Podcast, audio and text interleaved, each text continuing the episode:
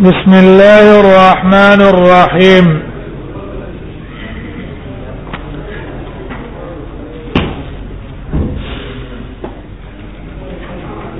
باب ما جاء في وصف الصلاه باب بيان صفات منځ کې امام ابو داود رحمه الله صفه الصلات ذکر کړو بیا رستو طریقه او کیفیت د مونږ شروع کو امام ترمذی کیفیت د مونږ خلاص کو نو اوس به ته صفه الصلات احادیث متعلق راوړي صفه الصلات په دې کې بیان دی داول ابي سنا د رفاعه ابن رافع راوړي ترمذی کې تاسو ابو داود کې تاسو د اویل د پاره د وجوب د اعتدال چې قوما جلسه دا واجب ده او اختلاف په صلوات ترمذی کې مخکې مون بیان کړه ته احناف په نسبانه قومه جلسه واجب ده خو چا پر خو سلامون دی او شو خو به ته را ګرځي او جمهور علما په نسبانه فرض ده که قومه او جلسه په مانځ کې اونکړه مونږ کیږي نه د قاعده د مسیء الصلاه درفاع ابن رافع نے روایت تے ان رسول اللہ صلی اللہ علیہ وسلم بینما هو جالس ابو ما بین دې کې نبی صلی الله علیه وسلم ناس ته په جمعات کې یومن یورزه قال رفاعوي ونحن معه من النبي صلى الله عليه وسلم سو اذ جاءه رجل ناڅا پراغه نبی صلی الله علیه وسلم ته یو سړی کل بدوي او شان ته د باندې چې د سیولک اعرابي باندې چې فصلى منذ یو کو درکات مخ کې وکړه بیا رسول پر رسول الله صلی الله علیه وسلم سلام اچوله ابو داود کې موږ وځو ویل دا تقدیما لحق الله د وجه تقدیم د حق د الله په حق د پیغمبر په امر د پیغمبر نبی صلی الله علیه وسلم چې اول د جمعات کې مونږ کې زګر دا کار کړه او داود کې مونږ ویل چې بل روایت کې فصلی رکعتین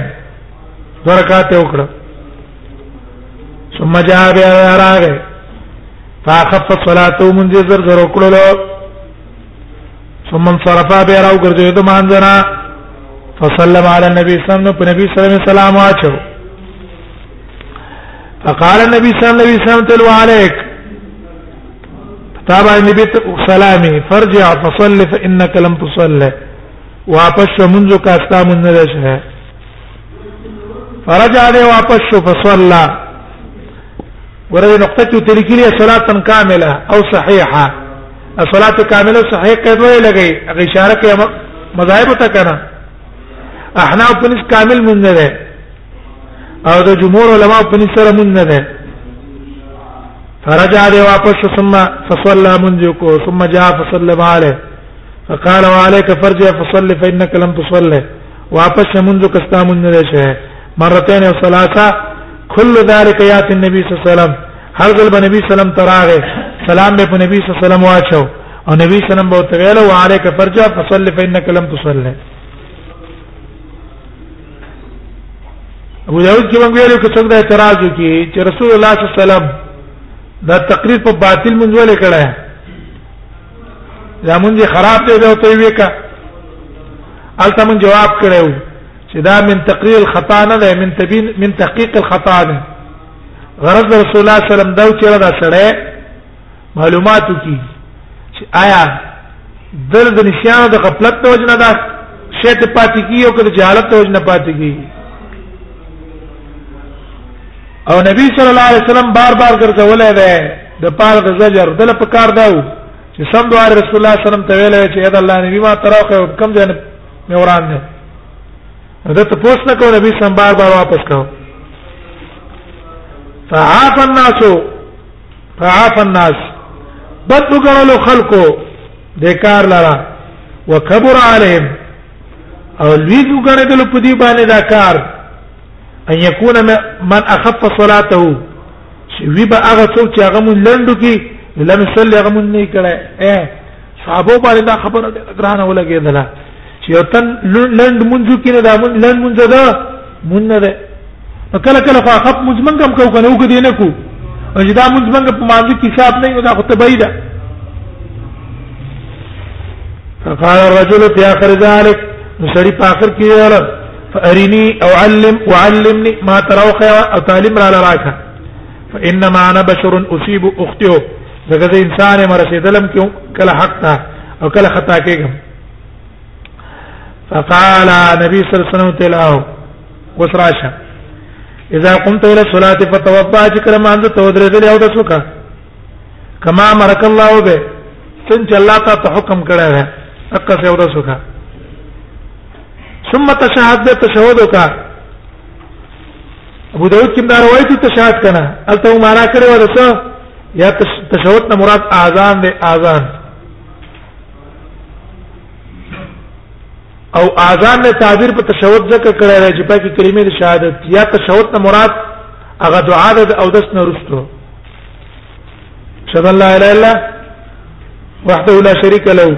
وشهد ان محمد عبده ورسوله اللهم اجعلني من التوابين وجعلني من المتطهرين فإن كان فاقم اذن او اقامت مکا فإن كان معك قران فقرا القران ته یاد ویلو لا والا فاحمد الله وكبر وكني الحمد لله وایا الله اکبر ویا دا روایت تاسو ابو داود کې مهره دلیل ده په دې چې ته فاتحه نه وایا دا نو عام حمد او صلات هغه په دې کې کیږي قائميږي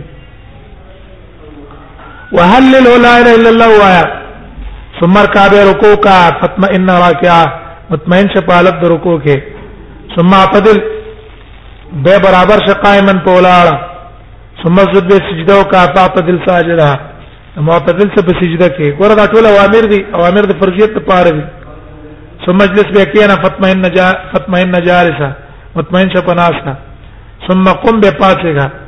فاذا فعلت ذلك فقد تمت صلاتك کله چې تا دا کار او کو ستامن پوره شو وین انتقصت من شيء انتقصت من صلاتك تا دې نه کم کو څه شی د مونږ نه کم کو ابو داود کې مونږ ویلو احناف په دې استدلال نیولو ګوره کدا قوما جلسه فرض وې رسول الله صلی الله علیه وسلم باندې ته مونږ نه ویل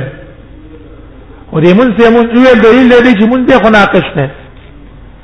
البته من جواب کړو چې دلته مونږ ویلي په ځان ده لري شړی الله په نس دامن نه ده د محمد رسول الله په نس مونږ نه ده استاد ګمان چې دامن مونږ ده رینه کم کو وقال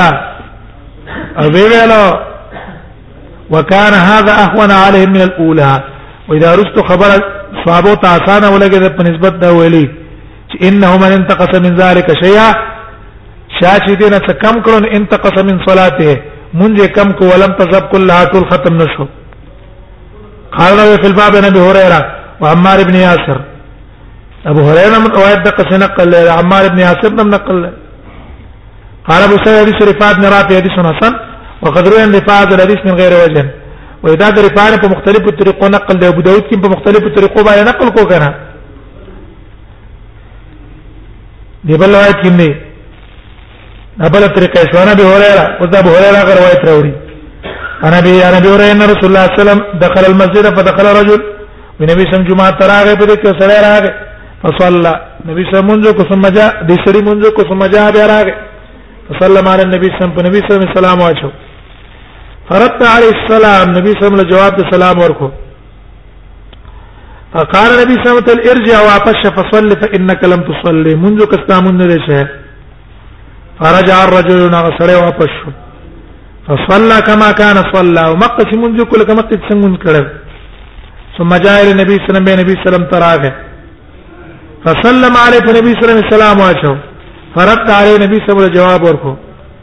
فقال له نو ته ویل چې واپس فصلی فإنك لم تصلي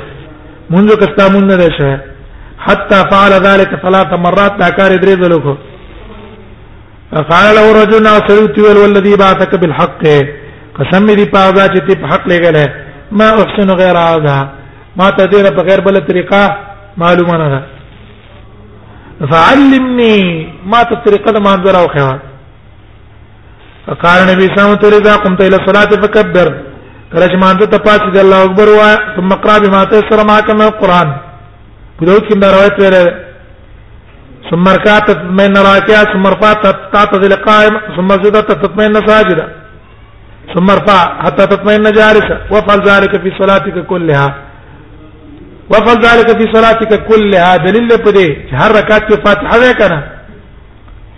قال ابو سعيد هذا حديث حسن صحيح ها وروى ابن نمير ده ابن نمير ده حديث نقل کړی د عبد الله ابن عمر هغه سعيد المقبرين عن ابي هريره ولم يذكر فيها نبيه هغه په نبی نه ذکر کړی او د پاس روایت کې سعيد ابن ابي سعيد روایت بچا نقل کړی خپل پلان ها وروايت ابن سعيد دی روایت دی حدن سعید بن عبد الله بن عمر نه اصح ده او سعید بن مقبری وقد سمع المقبری من ابي هريره ټیک ده سعید المقبری دا د ابو هريره نه روایت اوریدل ابي واسطه ته ضرورت ستره نه وروان ابي انا ابي هريره څه مطلب اے په خپل د ابو هريره نه اوریدل په واسطه د پلارم اوریدل څه پیښوي دا روایت په خپل د ابو هريره نه اوریدل او په واسطه د لارې موریدل چې چا واسطه ذکر کړی دا هم صحیح ده چې چا واسطه نه ذکر کړی هم صحیح ده وروان ابي نبي هريره وابو سعيد المقبري وده خپل نوم کیسان نه او سعيد المقبري ته کنیه ده ابا سعد دا بل روایت ته محمد امر بن عطاء نبي حميد الساعدي دا دغه طریقه ده ابو داود کې تاسو ویل چې په صلات کې قال ابي حميد الساعدي واي سمعت هو في عشرة من اصحاب النبي صلى الله عليه وسلم په دې باندې اعتراض وکړ جابر ابن عطا ابي حميد نه نه اورېدل موږ په خپل هم ته اورېدل او پر روایت ابو داود کې په واسطه ده عباس اياد عياش دا په مقابله اوریدل قال سمعت وفيا شرط من اصحاب النبي صلى الله عليه وسلم ما تي واوریدل او دا په لسو کسانو د اصحاب د نبی صلی الله علیه وسلم کیو احدهم ابو قتاده یو پاک ابو قتاده ابن ربعی یقول دوی انا اعلمکم بصلاه رسول الله زپتا ټولو کې خپوي کوم په منځ رسول الله صلی الله علیه وسلم قالو دی ورته څنګه پخپويږي ما كنت اقدمنا له صحبه ته نبی په من کې مخکې د نبی صلی الله علیه وسلم په صحبت کې ولا اکثرنا اکثرنا له اتیانا او تنوي زمنګ نه زیات هغه لپاره پراتلو کې موږ نه مخکې صحابه کم ستانه ده او تا د نبی صلی الله علیه وسلم نه موږ نه مخکې وخم نه غسه ډیر نه تیر کړي نو ته څنګه په پويږي قال ول بلا زه په پويګم قال دی وتل فارز نو خذ دامن جرا پیش کا فقال هو فرمایل کان رسول الله صلی الله علیه وسلم اذا قام الى الصلاه کله چې نبی صلی الله علیه وسلم مانځه ته پاتې دوه اعتدل قائما وبدرې دل په ولاړه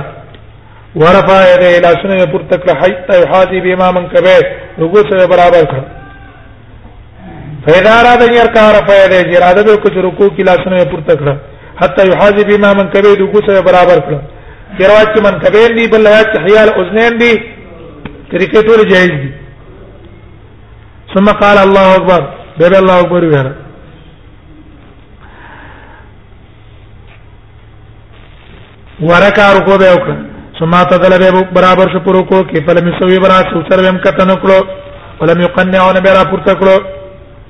او دا يدي على ركبته ولا شنو به کو په زنګونو نو به به وي سمع الله لمن حمدا دا شنو پورته کړو تدل او بدرېدلو حتى يرجع كل عظم في موضع ترجع رندام خپل ځای تلاړو او تدل اندق قصب ولاړو ثم هوا الى الارض به پر وته زما کې تساجدن پسیدا به به الله اکبر ثم جاء ثم جاء فاز ده به به لری کړه خون خپلان ابتدا تفرقوننا وفتح اصابع رجله او کلا به کړه اصابع رجله ګوتې د پوخ پلې ثم ثنا رجله الاسراء به رما تکړه چ پخپا وقعد عليه طاغي بکینا استلو ورته کې هغه اول جلسه مسله ده کنه ابي حمید الساعدي والا مکه ترمذی کې مونږ ویل چې دې کې رسول د قاعده ذکر کړه چې هر قاعده کې نبی صلی الله علیه وسلم ماته کړي اوس تورک چې مونږ وباسو پر یو قاعده د وجه به وباسو کنه نه دا قاعده قاعده کلیه ده ثم اعتدل به برابر شو حتى يرجع كل عظم في موضع معتدلا ثم هوا ساجدا به او پر وته سجدا به به الله اکبر ثم ثنى رجله وقعد واعتدل حتى يرجع كل عظم في موضع حرم دا مقل ذات واپس شو ثم انا هذا ثم صنع في الركعه الثانيه دویم رکعت کې کوم مثل ذلك دقشان حتى اذا قام من السجدتين دو رکعتونه برا پاتې دو کبر او رفع ده ابو داود دلته دی حدیث نه رسته د علی روایت راوړل کړه چې سجدتين د تفسیر لپاره راوړل چې دوه رکعتین دي کما سنه حين تطاصلا ثم سنا كذلك حتى كانت ترکت التي تنقضي تر دې چې هغه رکعات تنقضي فيها صلاه جمعه به کې ختمو اخر رجله اليسرى وقعد على شق متوركه په اخر قاعده باندې څه کړل متورک ناشته به سلام وکړو قال ابو سعيد ذات سنه صحيح ومعنى قول اذا قام من السجدتين نو ګور امام ترمذی تفسیر کوي او علی دا امام داوود هم تفسیر کړو خو امام داوود تفسیر پچاو کو حدیث دا علی دی وای امام ترمذی وای وی معنا قولی مطلب دا چې اذا قام من السجدتين رفع يديه یعنی اذا قام من الركعتين چې دوه رکعات نه برا پاتې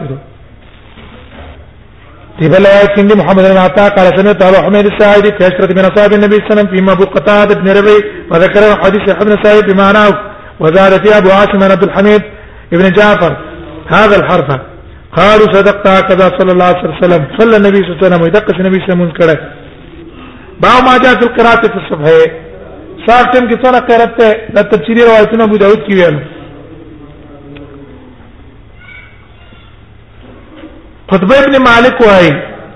سمعت رسول الله صلی الله علیه وسلم يقرأ في الفجر والنخل باسقات والنخل باسقات لا طلع النزيد ما سورة قاف په کې لستله اولنی رکعت کې ده في الباب عمرو بن حريث جابر بن سمره عبد الله بن صاحب ابي برزه او ام سلمې د ټول د نبی سم قرت نقل کړه سار مانځه کې قال ابو سعيد حديث قطبه بن مالك حديث حسن صحيح ده وروي عن النبي صلى الله عليه وسلم انه قرأ في الصبي بالواقعه هذا النبي صلى الله عليه وسلم نقل لي سوره واقعه صار ما ذكر استلها وروي عنه النبي صلى الله عليه وسلم نقل لي انه كان يقرأ في الفجر من 60 الى آية الى 100 شپېتو آیاتونه ولا ترسل آیاتونه پورې ویل استل برکات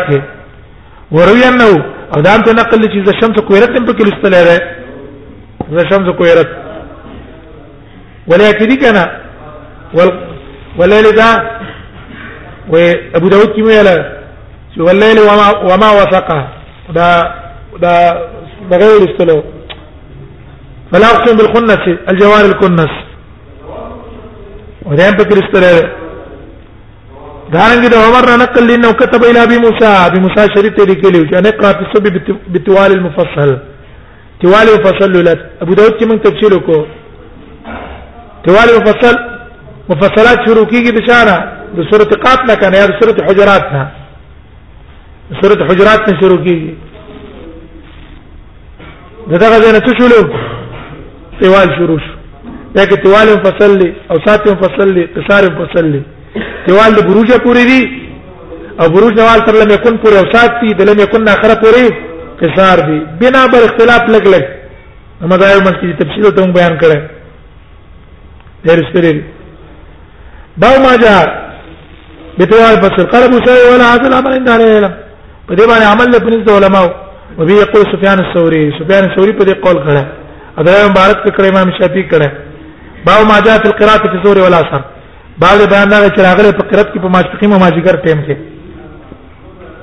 ماجیګر او ماسپخیم ټیم کې چې کم قرات ته نبی سنسونه کړه هغه بیان کړه وبي قال سن احمد بن مني قال سن يزيد بن هارون قال سن حماد بن سلمان سماع بن عرب بن جابر بن سمره ان رسول الله صم كان يقرا في الظهر نبي سم ما سكين في الاستلو او ما جگر کې او سماع ذات البروج او سماع والطارق وشبه ما داغه پر صورتونه به لستل په باب کې خباب نه هم روایت ته راځي سید نه هم نه راځي قطاده نه وزير ابن ثابت البرا خباب روایت تصویر چې نبی صلی الله علیه وسلم په جندره په سبانه به ترابي دحیته قال ابو سوا حديث جابر بن سمره حديث حسن صحيح ده وقد روى عن النبي صلى الله عليه وسلم انه قرات الزور قدر التنزيل النبي صلى الله عليه وسلم نقل لي په اندازه ده الف لام من تنزيل السجده الاستره ما استقيم کې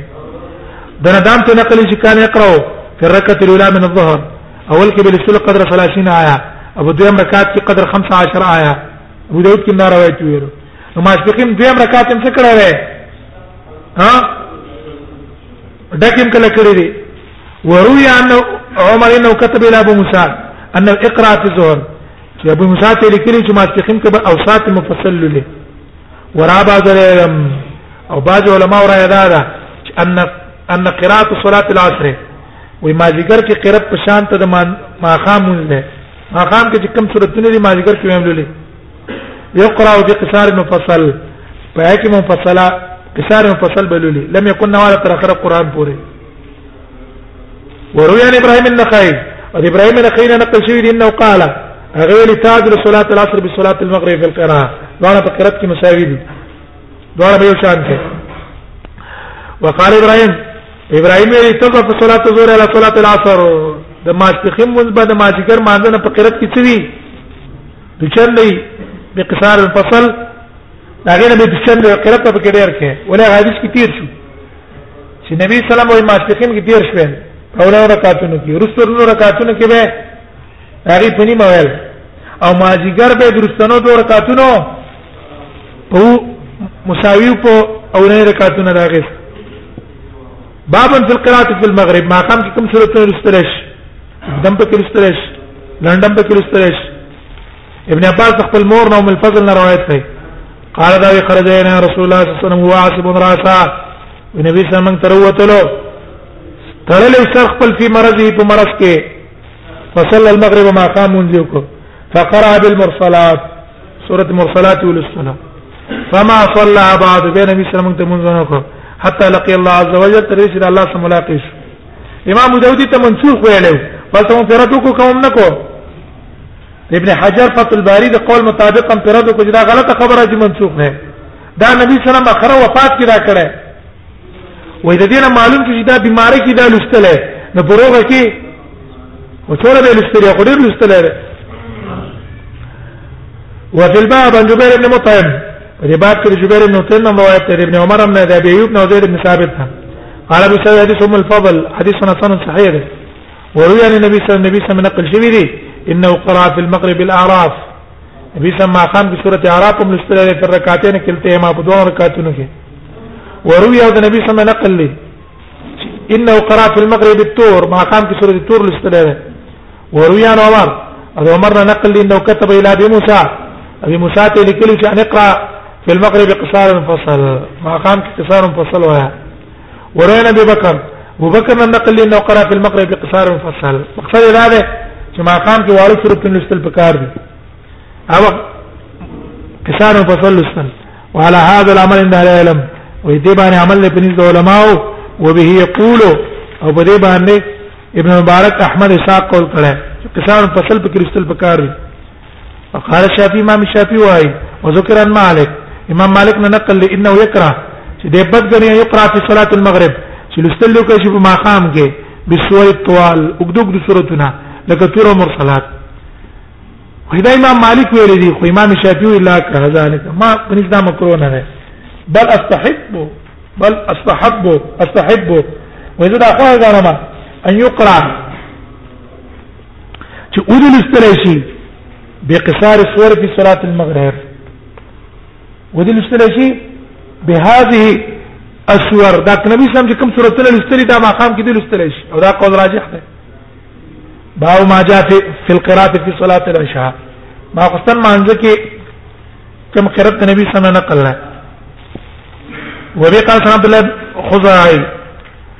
زيد بن حباب عربي قال كان رسول الله صلى الله عليه وسلم يقرأ في العشاء الآخرة بالشمس وضحاها ما خصن کې به الشمس وضحاها لستلو عشاء کې قید د اخیره ذکر ولګو چې د عشاء اطلاق په مقام باندې هم کیږي دی بل روایت کې ونحوها من الصور وفي الباب عن البراء بن عازب قال ابو سعد صبر اذا سيدنا سند وقد روى عن النبي صلى الله عليه وسلم انه قرأ في العشاء الاخره پاکستان کې لسه وتین او زيتون ورويان عثمان ابن عفان هغه نن نقل لي انه كان يقرا في العشاء بسور من اوساط المفصل اوساط المفصل سوره النبي الاستل لکه سوره المنافقين واشباه هغه پشان وروي عن اصحاب النبي صلى الله عليه وسلم اذا النبي صلى الله عليه وسلم تابعين نقل شيء انهم قرأوا باكثر من هذه الذين ډیر مستری دي واقل او کم مستری دي بیا واقل كان الامر عندهم واسع في هذا وې د دې په نسبت خبره پراخه ده غټي لولي کورکوټه لولي واحسن في شيء من ذلك په دې ټولو کې بهترین هغه چې نقل شوی د نبی صلی الله علیه وسلم نه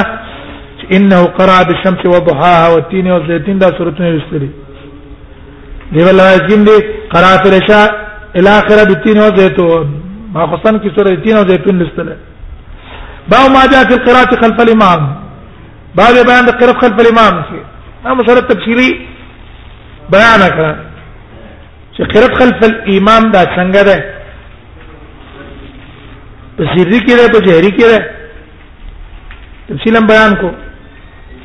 کوم دا روایت راوی د عباد ابن سامت نه قال له صلی الله رسول الله صلی الله علیه وسلم الصبح نبی صلی الله علیه وسلم منځو کو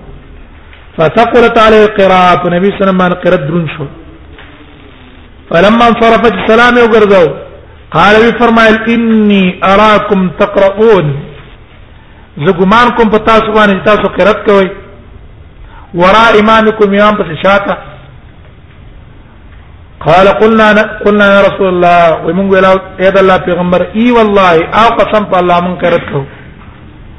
قال نبی صلی الله علیه وسلم لا تفعلوا ذا مکوي الا بام القران فاتحه به وي فانه لا صلاه لمن لم يقرا بها زکه مونږ کیږي د هغه چا چې فاتحه ونه لوستله وفي الباب عن ابي هريره وعائشه په دې باب کې د ابو هريره نم روایت نقل لري عائشه رضی الله عنها نقل لري انا سعود ابي قتاده عبد الله بن عمر ابو هريره ته هون امدي کرا من صلى صلاه لم يقرا فيها بفاتحه الكتاب فهي خداج ابو داود کې من روایت دی د عائشه نم روایت ته من صلى صلاه لم يقرا فيها بفاتحه الكتاب صحیح خداج انس نم روایت ته ابي قتاده نم د عبد الله ابن عمر نه او حدیث د ابي هريره ابن حبان کې صراحه دي چې نبی صلی الله علیه وسلم صلاه لمن لم يقرأ بفاتحه الكتاب قلت وان كان وراء الامام ويل الله نبي ما تو ویل وي امام بس شاته ولاړم وی او امام په شاته مولا اقرا بیا په نفسه کا ځان ته یو روایت ابن حبان کې نبی صلی الله علیه وسلم د ابو هريره ته ویلي او پر روایت ابو داود کې ابو هريره دا خبره چاته کړې بل شاګرد ته کړې ده والتابعين وروي هذا الحديث عن زوري محمود بن ربيعه وبعد ابن سامي النبي صلى الله عليه وسلم قال لا صلاه من لم قال فاتت الكتاب وهذا اصح ولا صح ده ولا بل ولا هذا الحديث في القراءه خلف الامام په دې حدیث کې په قراءت خلف الامام باندې قول له پنځ د اکثر علما اصحاب د نبی صلی الله علیه وسلم تابعین نه او دا قول امام مالک بن انس ته د ابن مبارک په امام شافعی د احمد اسحاق له يرون القراءه خلف الامام دي قراءت خلف الامام وي امام مالک نه یو قرات دا یو قول ته دا نقل چې په جهري کې به نه لولي وخت بګ دي په سري کې به لولي لیکن امام ترمذی قول امام مالک څه کو دا نقل کو چې په سري جهري دوه کې به لولي باب ما جاء في ترك القراءة خلف الإمام إذا جهر بالقراءة امام چې کله جهر کوي په قرات لولي به کړي به لولي نه یو قول لا ده چې بجهري کې به نه لولي تفصیل سم ویل او دا قاری سم راوړې باندې ورځ القرآن ابو داود کې عن ابن شهاب عن ابن قيمة الليثي عن ابي هريره ان رسول الله صلى الله عليه وسلم انصرف من صلاه النبي صلى الله عليه وسلم ما انذره جار فيها بالقراءه چې پاکه جار په سبانه کړو په قرات باندې کړو فقال وی فرمایل هل قرأ معي احد منكم انفا قرات کړل ما سرا یو تن تاسو نه وس فقال رجل نعم يا رسول الله ان يسري او اير الله پیغمبره قال نبی صلی الله فرمایل اني اقول اذا ځان سویا ما چې مالي اناز القران دا څه وجه چې ما سره قران کې جګړه کیږي راخله کیږي قال فانت الناس عن قراءه ما رسول الله صلی الله عليه وسلم ما يجروا فيه منشو خلق د قرتنا سره د نبی صلی الله علیه وسلم پاک دي جهاره پکې کو نبی صلی الله علیه وسلم من الصلوات بالقراءه منزلنا بقرات حين سمعوا ذلك من رسول الله صلى الله عليه وسلم کله چې نبی صلی الله علیه وسلم خبر واورېده فانت الناس دا قول زهري ده که قول معمر ده او که قول ابو هريره ده مخکې مونږ ویلو کنه ابو داود کې اختلاف دی پای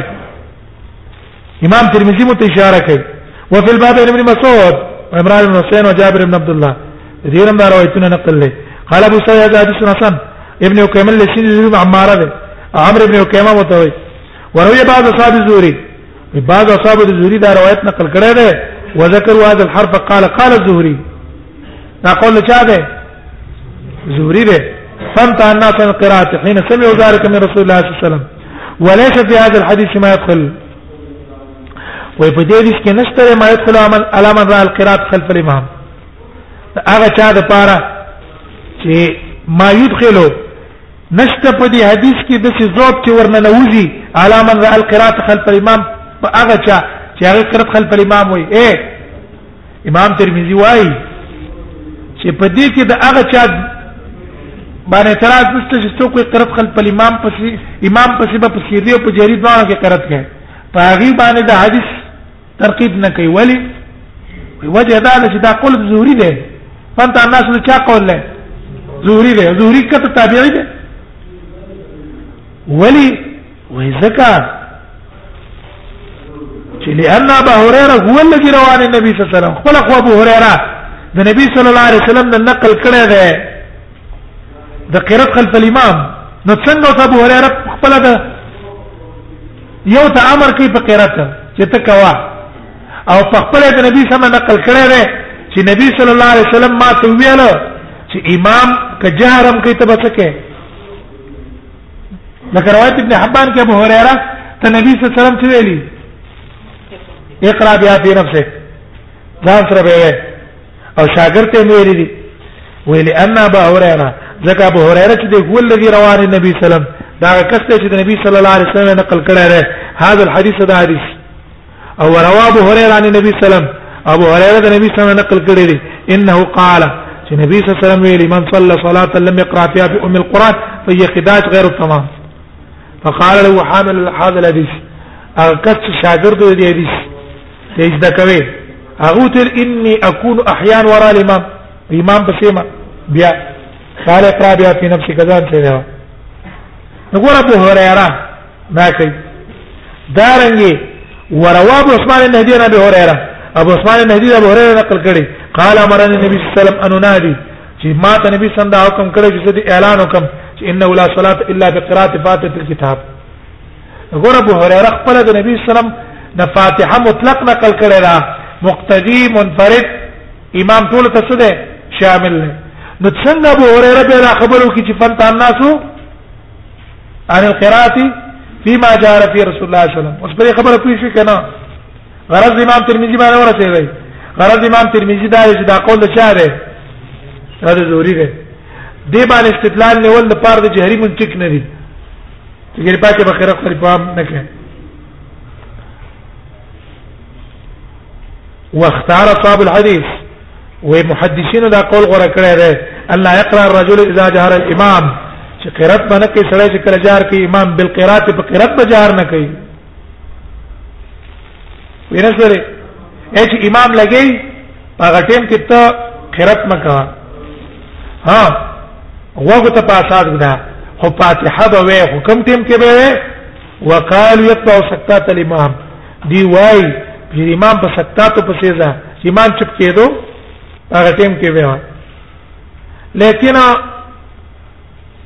د مکحول قول تاسو ابو داود کې ویاله چې هغه نه چاته پوسو کوم ټیم کې به ویو هغه ته څه ویاله اقرا به قبله او بعده او معه مخکې وې رسته وې ورسره وې وقد اختلف واختلاف کړه العلم په قرات خلف الامام کې فرات شرایع من اصحاب النبي صلی الله علیه وسلم دا اکثر علما دا قول له قرات بکې او تابعین من بعد من قرات خلف الامام دا قول مالک بن مبارک شافعي احمد اسحاق ده او نقل شي د عبد الله مبارک نه ان انه قال اغم دا ویل چې اقرا خلف الامام والناس يقرؤون زم قرات خلف الامام کوم خلک هم څه کوي غیرت کوي الا قوم من الكوفيين ومګر قوم د کوفيين نه هغه وی قرات خلیفان باندې کې و ارا وزمارا اذا ان لم لم يقرا چا چې قرات نم کو صلات جائزه وي به مونږ شلو وشو مانه د مذهب ته وجنه چې دا دلایل څه نو معلوم او په جهري مانځ کې قرات نه کو امام بشیر استو مونږ یو شو